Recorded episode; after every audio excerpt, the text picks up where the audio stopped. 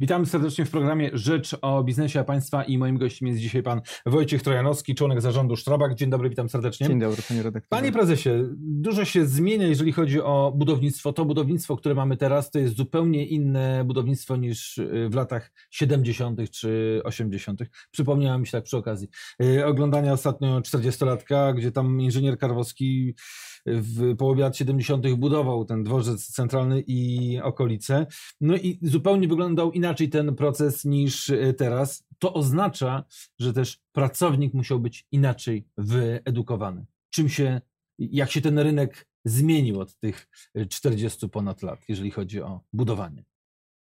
Rynek, jeżeli chodzi o budowanie, zmienił się bardzo mocno, tak jak zmieniła się cała gospodarka. Od kilku lat mamy do czynienia z bardzo dużym jakby procesem digitalizacji czy, i procesu budowlanego. Jest to trend związany nie tylko z budownictwem, bo powiedziałbym, że budownictwo jest tutaj jednym z takich branż, których można powiedzieć, że są maruderami, jeżeli chodzi o cyfryzację, digitalizację, ze względu na charakter działalności, jaką prowadzimy, bardzo rozproszony, bardzo uzależniony od czynników zewnętrznych i, i w dużej mierze tak. Aha, tak? dobra. dobra. I zaczniemy od Pana tylko pytania. Dobrze? Dobra, dobra. I Pan zaczyna odpowiadać. O, tak, może jeszcze tą marynareczkę, tak, tak, tak, tak, żeby tutaj wszystko... O, o teraz jest, tak, dobra. Czyli jak się zmieniło? Bardzo proszę. Cała gospodarka się zmienia, cała gospodarka postępuje w kierunku dużej digitalizacji procesu. Tak samo się zmienia branża budowlana, która wydaje się z jednej strony bardzo tradycyjną, bo te materiały, które używamy, są od wielu lat takie same. Dla osób postronnych to jest beton, to jest stal, to jest, to jest drewno. To wszystko, z czego e, budujemy, czy to obiekty wysokie, budynki, czy obiekty liniowe, tak jak drogi, te materiały są podobne. Natomiast zupełnie zmienił się proces i zmienia się bardzo mocno i szybko ten proces realizacji budowy. Musi być po prostu szybciej, musi być po prostu z mniejszą ilością zaangażowanych zasobów, musi być bardziej w trosce o środowisko.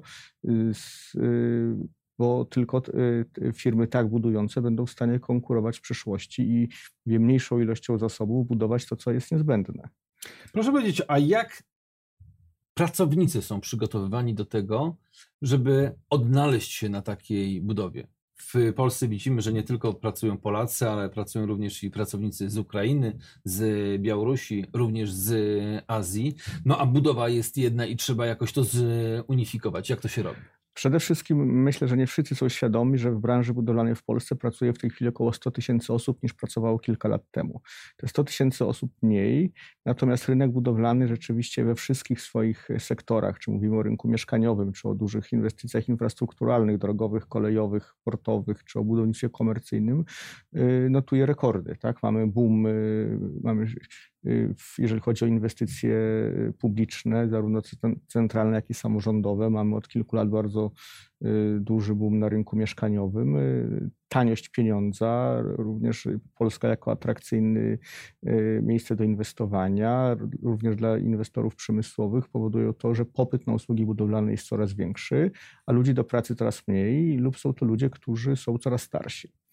Y, nie jest tajemnicą jakby niedoskonałość naszego systemu kształcenia zawodowego, że jest tam coraz trudniej mhm. pozyskiwać osoby, które byłyby wykształcone do pracy na budowie.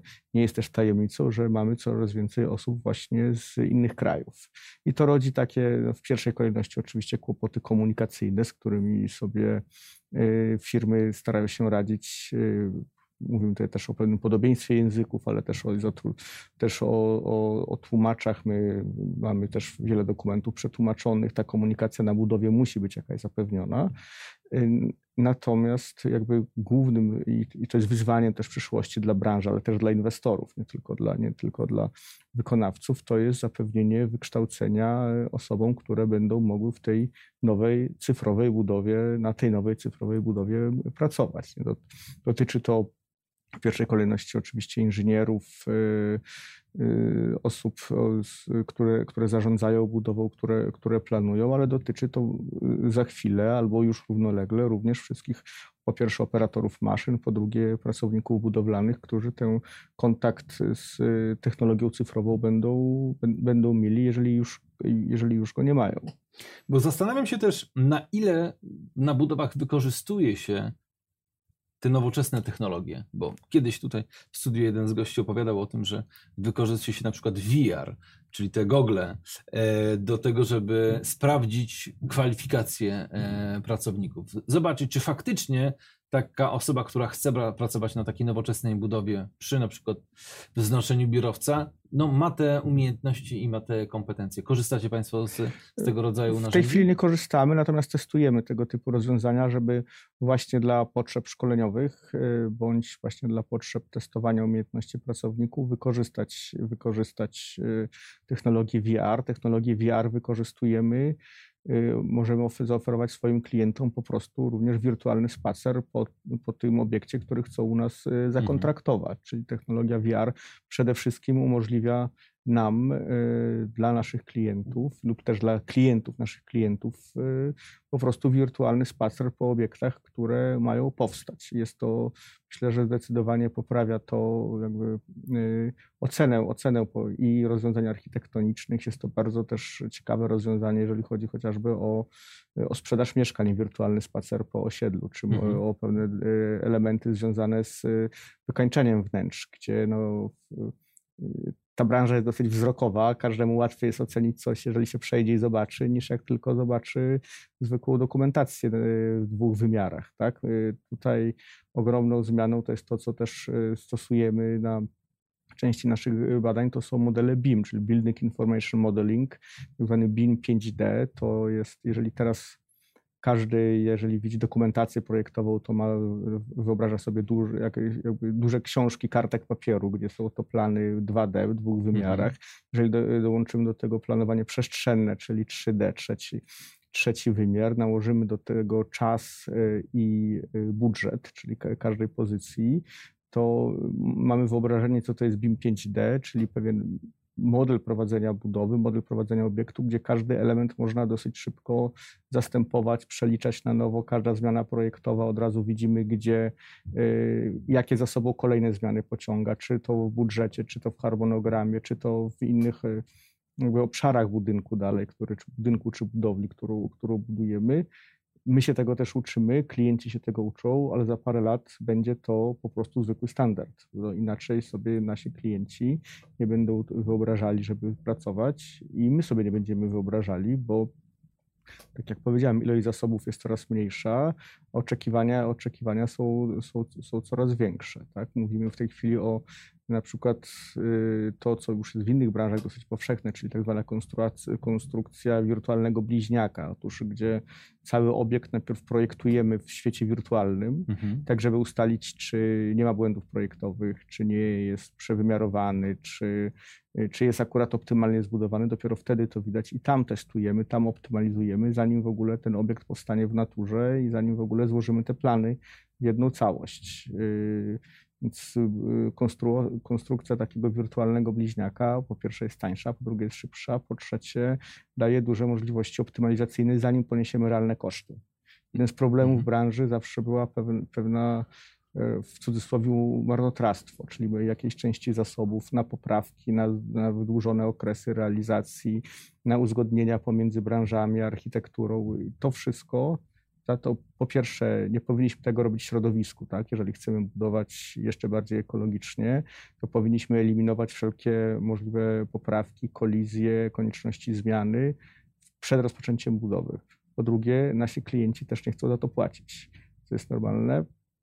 E, I dlatego jeden z elementów nowoczesnej budowy to są wszystkie technologie i te, techniki linu, linu również organizacji mhm. pracy, która po prostu ma ograniczać y, zbędne wydatki, tak? ma ograniczać niepotrzebne dysponowanie zasobami. Mówimy o VR, mówimy o projektowaniu, a jakie jeszcze inne innowacje są wykorzystywane teraz w tym nowoczesnym budownictwie? Tak jak mówię, bardzo wiele poświęcamy na y, y, technologię energooszczędności, tak? Czyli te, te budynki przyszłości będą coraz bardziej pasywne, będą coraz bardziej dopasowane do, do potrzeb, do pory dnia, do pory roku. Y, tutaj i im będą droższe nośniki energii, im energia będzie droższa, będą większe oczekiwania społeczne w tym zakresie, tym ten, ten postęp będzie, postęp będzie szybszy. Możemy się również pochwalić różnymi technologiami związanymi z ochroną środowiska. Tak? Możemy mówić już w tej chwili o nawierzchniach drogowych, które, czy, czy, czy, czy chodnikowych, które pochłaniają część dwutlenku azotu, czyli mhm. jednego z największych zanieczyszczeń, jakie jest centrum miasta. Od lat budujemy drogi, budujemy nawierzchnie drogowe z wykorzystaniem, no, kolokwialnie mówiąc, starych opon, tak? czyli coś, co czego na świecie się produkuje bardzo dużo, jest to poważnym odpadem, jest wykorzystywane po przerobieniu ponownie jako element nawierzchni drogowej. Po pierwsze, pozbywamy się śmieci, po drugie, e, budujemy bardziej ciche nawierzchnie i mniej podatne na spękania. Jeżeli te nawierzchnie są bardziej ciche, no to chociażby też potrzeba mniej takich innych kontrowersyjnych czasem elementów infrastruktury drogowej, chociażby ekranów mhm. akustycznych a poza tym mniej zużywamy surowców naturalnych, y, asfaltu popularnego, który no też jest produktem y, przetworzenia ropy naftowej, więc, więc im, im, bardziej będziemy go w stanie zastąpić, tym też lepiej dla środowiska. No tak, bo mówimy też w tym samym o gospodarce obiegu zamkniętego, żeby domykać ten, ten, ten obieg gospodarki, wykorzystując i odzyskując mhm. surowce z odpadów.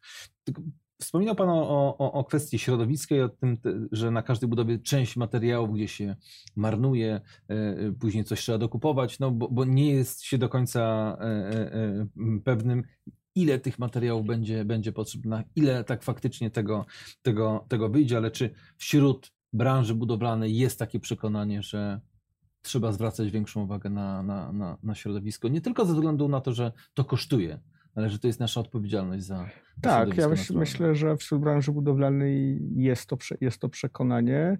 Myślę, że wszyscy żyjemy w tym samym środowisku, bo jedni, że ktoś pracuje w branży budowlanej czy w innej branży, świadomość ochrony środowiska, konieczności dbania o środowisko, zrównoważonego, zrównoważonego rozwoju jest coraz większa. I po to rozwijamy te technologie, żeby po pierwsze y, dużo bardziej optymalnie budować, dużo szybciej budować, dużo mniej marnować y, czy, czy starać się, żeby te naturalne utraty były, były jak najmniejsze, lepiej planować logistykę na budowie, tak żeby chociażby mniej tej energii zużywać podczas samego procesu budow mhm. budowlanego, żeby było mniej odpadów. Y, jest to y, jak najbardziej jeden z elementów bardzo ważnych dla branży, no i nie tylko dla tej. Myślę, że takie są, to widać Y, trendy społeczne i na to, na to wszyscy zwracają uwagę. Tym bardziej od branży oczekiwane są właśnie rozwiązania, które y, po pierwsze ten, ten y, proces budowy uczynią bardziej